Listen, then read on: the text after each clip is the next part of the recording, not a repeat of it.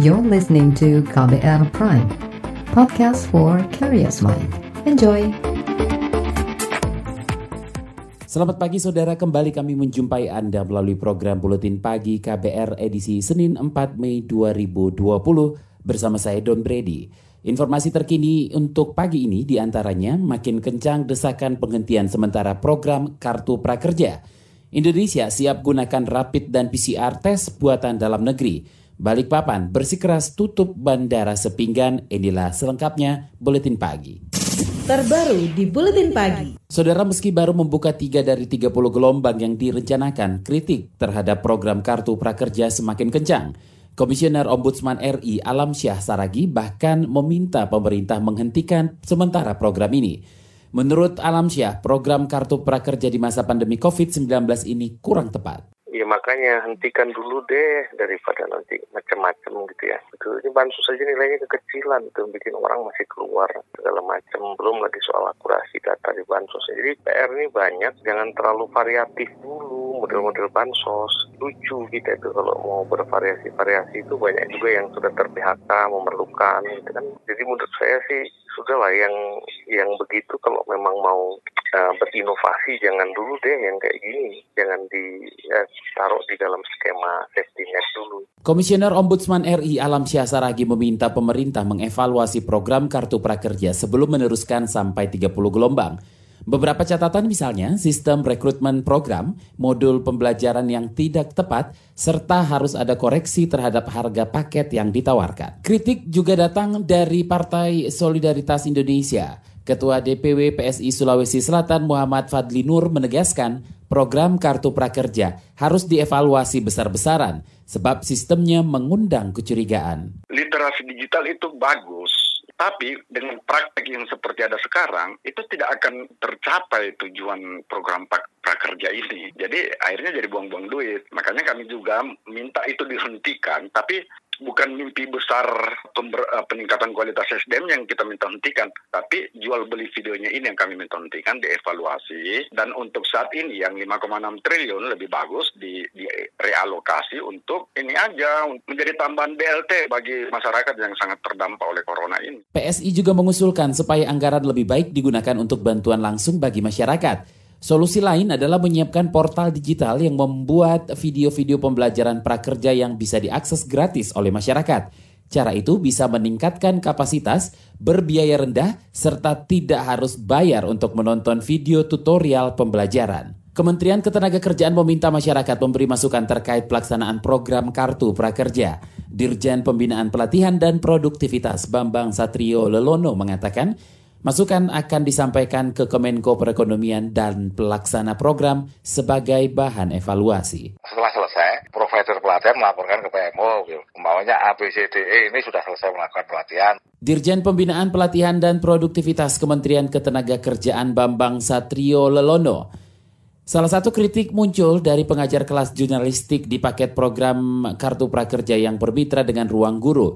Pengajar Prita Kusuma Putri protes karena kelas jurnalistik yang diampu awalnya ditunjuk ditujukan untuk berbagi ilmu, bukan sebagai modul pembelajaran prakerja. Kini kelas jurnalistik itu sudah dihapus dari program Kartu Prakerja. Sementara itu Saudara Presiden Joko Widodo memerintahkan supaya program Kartu Prakerja diprioritaskan bagi korban PHK, pemutusan hubungan kerja. Data pemerintah menyebut sekitar 1 juta orang dirumahkan atau kena PHK. 375 ribu merupakan pekerja formal, sementara ada 315 ribu pekerja informal. Pekerja yang dirumahkan atau korban PHK, saya minta diberikan prioritas untuk mendapatkan kartu prakerja. Informasi terakhir yang saya terima, yang mendaftar untuk kartu prakerja sudah 8,4 juta, padahal jatahnya hanya untuk 5,6 juta. Sehingga sekali lagi untuk korban PHK agar diberikan prioritas. Dalam ratas Kamis pekan lalu, Presiden Jokowi juga menyebut soal stimulus ekonomi bagi perusahaan seperti pembebasan pajak. Itu dilakukan agar perusahaan tetap stabil meski di tengah pandemi dan tidak melakukan PHK. Kita ke mancanegara, saudara Korea Utara dan Korea Selatan terlibat baku tembak di zona demilitarisasi kemarin. Tidak ada korban, tidak ada laporan korban jatuh. Ini adalah kejadian pertama antara kedua Korea di sepanjang perbatasan sejak 2017. Ketegangan ini terjadi sehari setelah pemimpin Korea Utara Kim Jong-un muncul di hadapan publik. Sebelumnya, Kim sempat tiga pekan menghilang, bahkan diisukan sakit keras. Namun, akhir pekan lalu Kim tampil sehat saat meresmikan pabrik pupuk. Presiden Amerika Serikat Donald Trump ikut berkomentar, berkomentar terhadap kemunculan Kim Jong-un. Ia mencuitkan kesenangannya karena Kim kembali dalam kondisi sehat. Sebelumnya Trump sempat curiga kalau Kim Jong-un sakit parah usai operasi jantung. Mulai pekan ini Indonesia siap memakai puluhan ribu tes cepat dan PCR buatan dalam negeri. Informasinya usai jeda tetaplah di Buletin Pagi KBR. You're listening to KBR Pride, podcast for curious mind. Enjoy!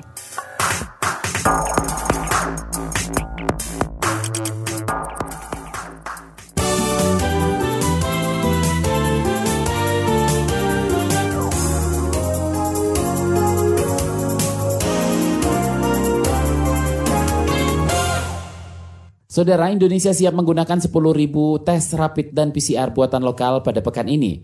Menristek sekaligus Kepala Badan Riset dan Inovasi Nasional Bambang Brojonegoro mengatakan rapid dan PCR tes buatan lokal itu berbasis sampel virus lokal di Indonesia.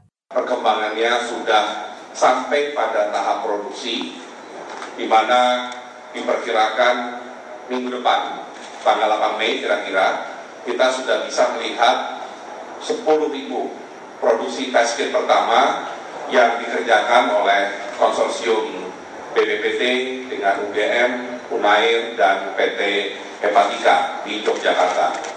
Menristek Bambang Brojonegoro mengakui tes rapid punya kekurangan dibandingkan tes PCR. Tapi kedua, kedua jenis tes dibuat dengan virus transmisi lokal sehingga hasil tes diharapkan lebih akurat. Bulan ini alat bantu pernafasan atau ventilator buatan lokal akan mulai diproduksi. Sementara akhir Juli nanti Indonesia juga memproduksi sendiri regen untuk menguji virus corona. Pemerintah belum bisa memastikan kapan pandemi virus corona berakhir. Juru bicara pemerintah untuk penanganan COVID-19 Ahmad Yuryanto mengatakan variabel perkiraan akhir pandemi bersifat dinamis, apalagi faktor pembawa virusnya yaitu manusia.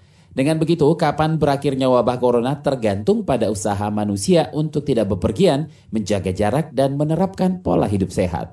Jadi kita adalah kemudian membawa masyarakat untuk menyadari bahwa masyarakat adalah subjek dan objek dari upaya penanggulangan ini. Kita hmm. tidak boleh menempatkan masyarakat hanya sebagai sebagai objek yang kemudian hanya kita jejali bahwa kamu nggak boleh begini, kamu harus begini, bukan begitu. Tapi dia sadar betul mengapa dia harus melakukan itu. Juru bicara pemerintah untuk penanganan COVID-19 Ahmad Yuryanto mengambil contoh kasus di Cina. Di sana pandemi sudah mulai pulih tapi masih ada saja kasus baru yang ditemukan. Hingga kemarin ada penambahan 349 kasus baru pasien positif COVID-19. Secara total jumlah kasus COVID-19 sudah lebih dari 11.000 kasus. Jumlah pasien sembuh 1.800-an orang dan jumlah meninggal 847 jiwa. Saudara kalender pendidikan diperkirakan bisa bergeser jika pandemi COVID-19 terus berlanjut. Wakil Sekjen Federasi Guru Indonesia FSGI Satriwan Salim mengatakan, Awal tahun ajaran yang semula Juli 2020 bisa mundur jadi Januari 2021 dan ini bisa mengubah sistem pendidikan. Pemerintah diminta menyiapkan strategi upaya tak ada kekosongan waktu pembelajaran kan apa namanya komponen-komponen infrastruktur apa yang belum tersedia kan pemenuhan jaringan internet, jaringan listrik kan begitu. Kemudian kapasitas guru, perangkat pemerintah itu memberikan pembelajaran walaupun misalnya pembelajaran tidak masuk di luar uh, konteks uh, kurikulum. Artinya harus ada aktivitas-aktivitas yang edukatif. Itu dia tadi Wakil Sekjen FSGI Satriwan Salim. Menurut dia, kalender pendidikan bisa berjalan seperti semula asal ada format yang lebih jelas dari pembelajaran jarak jauh atau belajar dari rumah.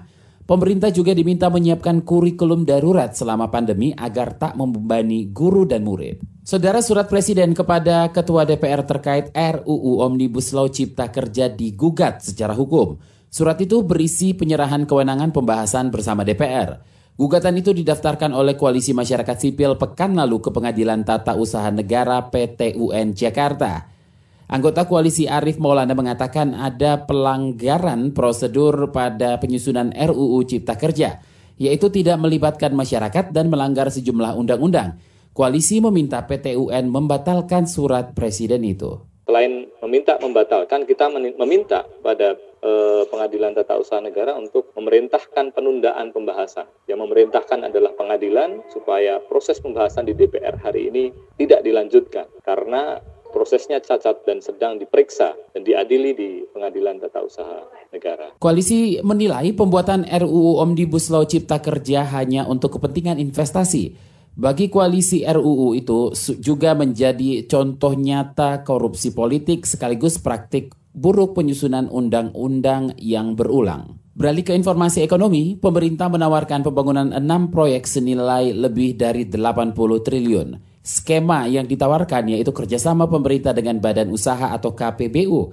Menteri PUPR Basuki Hadi Mulyono mengatakan proyek itu rencananya dikerjakan sesudah pandemi COVID-19, diperkirakan mulai Juli mendatang.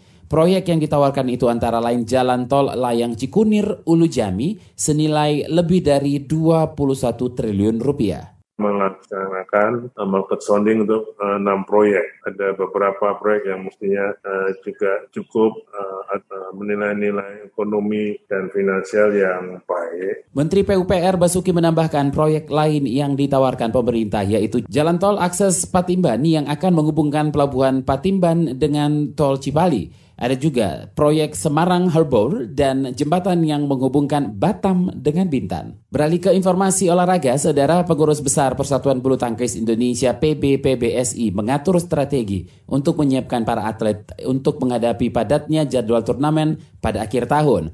Sejumlah kompetisi ditunda akibat pandemi COVID-19.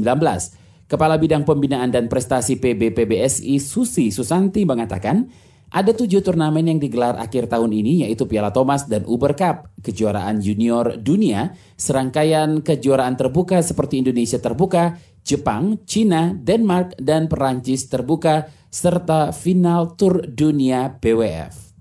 Laporan khas KBR soal para relawan COVID-19 akan hadir usai jeda tetaplah di Buletin Pagi KBR.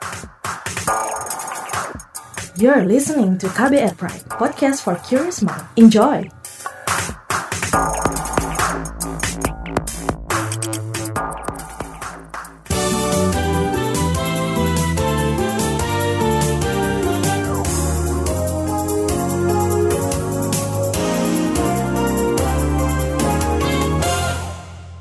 Anda masih mendengarkan buletin pagi saatnya kita menyimak laporan khas KBR. Saudara pandemi COVID-19 membuat fasilitas kesehatan dan tenaga medis kewalahan. Pemerintah maupun berbagai kelompok masyarakat kemudian menjaring relawan untuk menopang kerja para pejuang medis. Puluhan ribu orang dari beragam latar belakang menyambut panggilan bela rasa itu. Berikut beberapa kisah mereka ikut berjuang di garda terdepan saya sudah minta izin kepada kedua orang tua saya untuk saya ikut program relawan ini yang memungkinkan saya untuk tidak balik atau tidak pulang kampung dan orang tua saya sudah setuju. Jafas rela tak mudik ke Subang, Jawa Barat saat lebaran nanti. Ia memilih mendermakan tenaga dan waktunya sebagai relawan COVID-19 di Rumah Sakit Universitas Indonesia. Awalnya, mahasiswa ilmu kesejahteraan sosial UI ini tergerak mendaftar karena ingin membunuh rasa bosan. Kan ada wacana kita harus di rumah aja dan gak boleh keluar-keluar dan terus merasa bosan dan uh, suatu ketika dapat informasi soal pembukaan pendaftaran relawan gak tahu tiba-tiba tertarik aja terpanggil untuk pada akhirnya ikut karena salah satu permasalahan terkait corona adalah tenaga medis di lapangan yang kurang. Terhitung sudah empat pekan, Javas bertugas sebagai asisten perawat rumah sakit milik kampusnya. Ia membantu pekerjaan tenaga medis yang menangani pasien COVID-19. Kita bantu-bantu untuk mengambil obat, resep obat dari ruangan isolasi COVID ke unit farmasi. Kemudian kita juga membantu untuk mengantar sampel darah dari ruangan COVID ke laboratorium. Kita juga bantu untuk menyiapkan APD, alat pelindung diri. Kita bantu untuk membersihkan di lab dengan cairan desinfektan. Saat pertama kali bertugas, Javas sempat kerepotan membagi waktu antara kuliah dan menjadi relawan. Apalagi, ia masuk jadwal jaga sore hingga malam selama tujuh jam. Lambat laun, Javas mulai beradaptasi. Di awal saya merasa cukup keteteran karena di kampus juga masih ada kuliah online, masih ada tugas-tugas. Sementara menjadi relawan juga menyita waktu seperti itu. Jadi walaupun sekarang saya sudah cukup bisa beradaptasi. Mahasiswa UI angkatan 2017 ini bangga menjadi bagian dari relawan garda terdepan COVID-19. Ia tak bakal melupakan pengalaman saat menggunakan alat pelindung diri atau APD lengkap di ruang isolasi. Ketika kita masuk ke dalam ruangan isolasi, kita wajib untuk menggunakan alat pelindung diri lengkap, mulai dari atas ujung kepala sampai ujung kaki. Menurut saya itu suatu hal yang akan sangat jarang untuk saya dapatkan dalam hidup saya kalau tidak uh, dalam kondisi sekarang. Javas tak terlalu risau dengan risiko tertular virus corona. Rumah Sakit UI sudah memiliki prosedur ketat pencegahan dan perlindungan diri. Para relawan juga tinggal di penginapan khusus yang difasilitasi rumah sakit. Setelah saya dinas, saya juga menyempatkan untuk mandi dulu di RS atau kalau misalkan tidak saya balik ke penginapan kemudian saya mandi langsung di penginapan seperti itu. Jadi memang ada SOP-SOP khusus pun juga untuk baju sendiri. Jadi kita diberikan baju khusus untuk ketika kita bertugas di RS seperti itu. Baju ini memang sekali pakai. Nanti baju-baju ini dicuci kemudian kita ambil lagi. Saya ditempatin di rumah sakit UI jadi untuk rumah sakit UI memfasilitasi saya Ika Dewi Maharani juga relawan yang bertugas di Rumah Sakit UI. Ika memiliki keterampilan medis sebagai mahasiswa tingkat akhir Sekolah Keperawatan di Surabaya.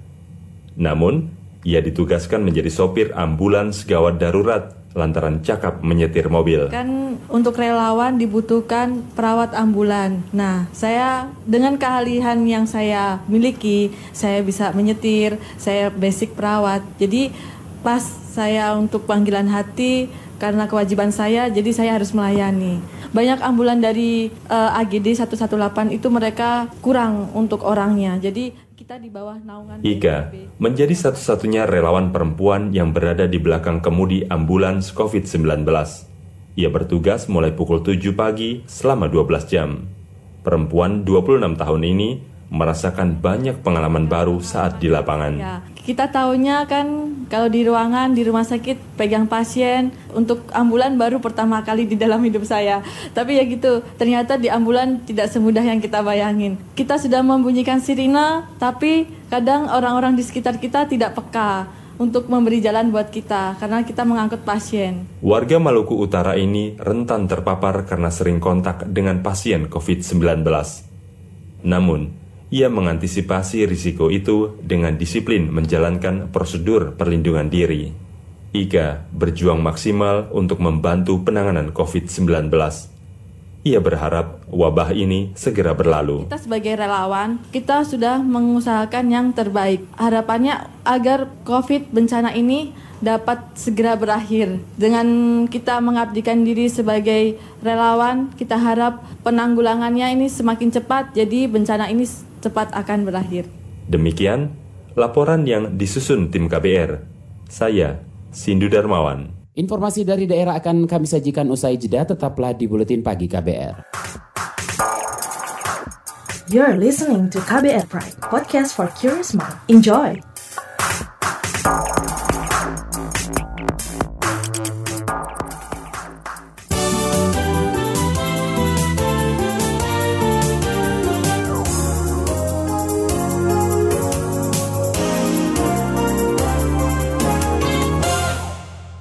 Inilah bagian akhir buletin pagi KBR. Saudara pemerintah Kota Balikpapan, Kalimantan Timur menolak Bandara Internasional Sepinggan dibuka untuk angkutan penumpang di tengah pandemi COVID-19. Penolakan ini muncul karena Ditjen Perhubungan Udara dikabarkan mengizinkan sejumlah maskapai membuka rute komersial menuju Balikpapan.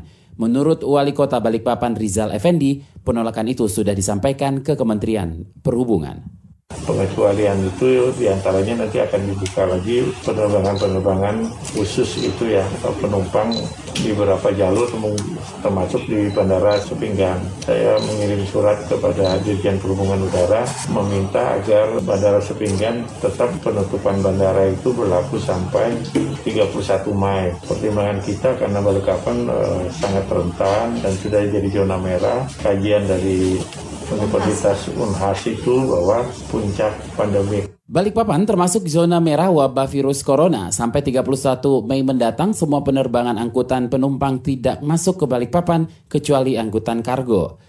Jumlah ODP virus corona di Balikpapan saat ini lebih dari 4.400 orang dan PDP 128 orang. Jumlah sembuh 77 orang dan meninggal 8 orang.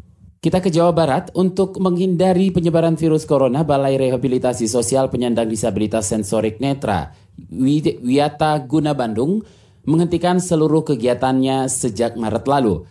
Kepala Balai Wiyata Guna Bandung Sudarsono mengatakan puluhan siswa sudah dipulangkan dan 13 lainnya masih menempati balai.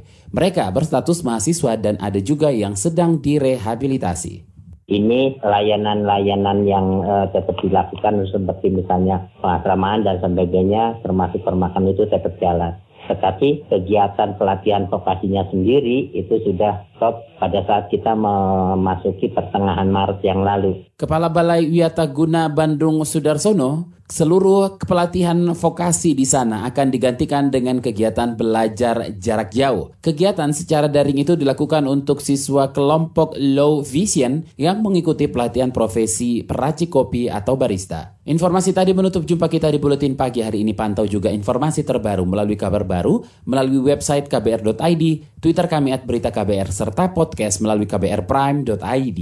Akhirnya saya Don Brady undur diri. Salam.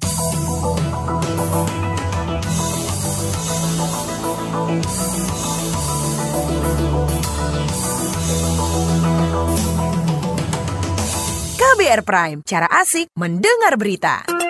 KBR Prime, podcast for curious mind.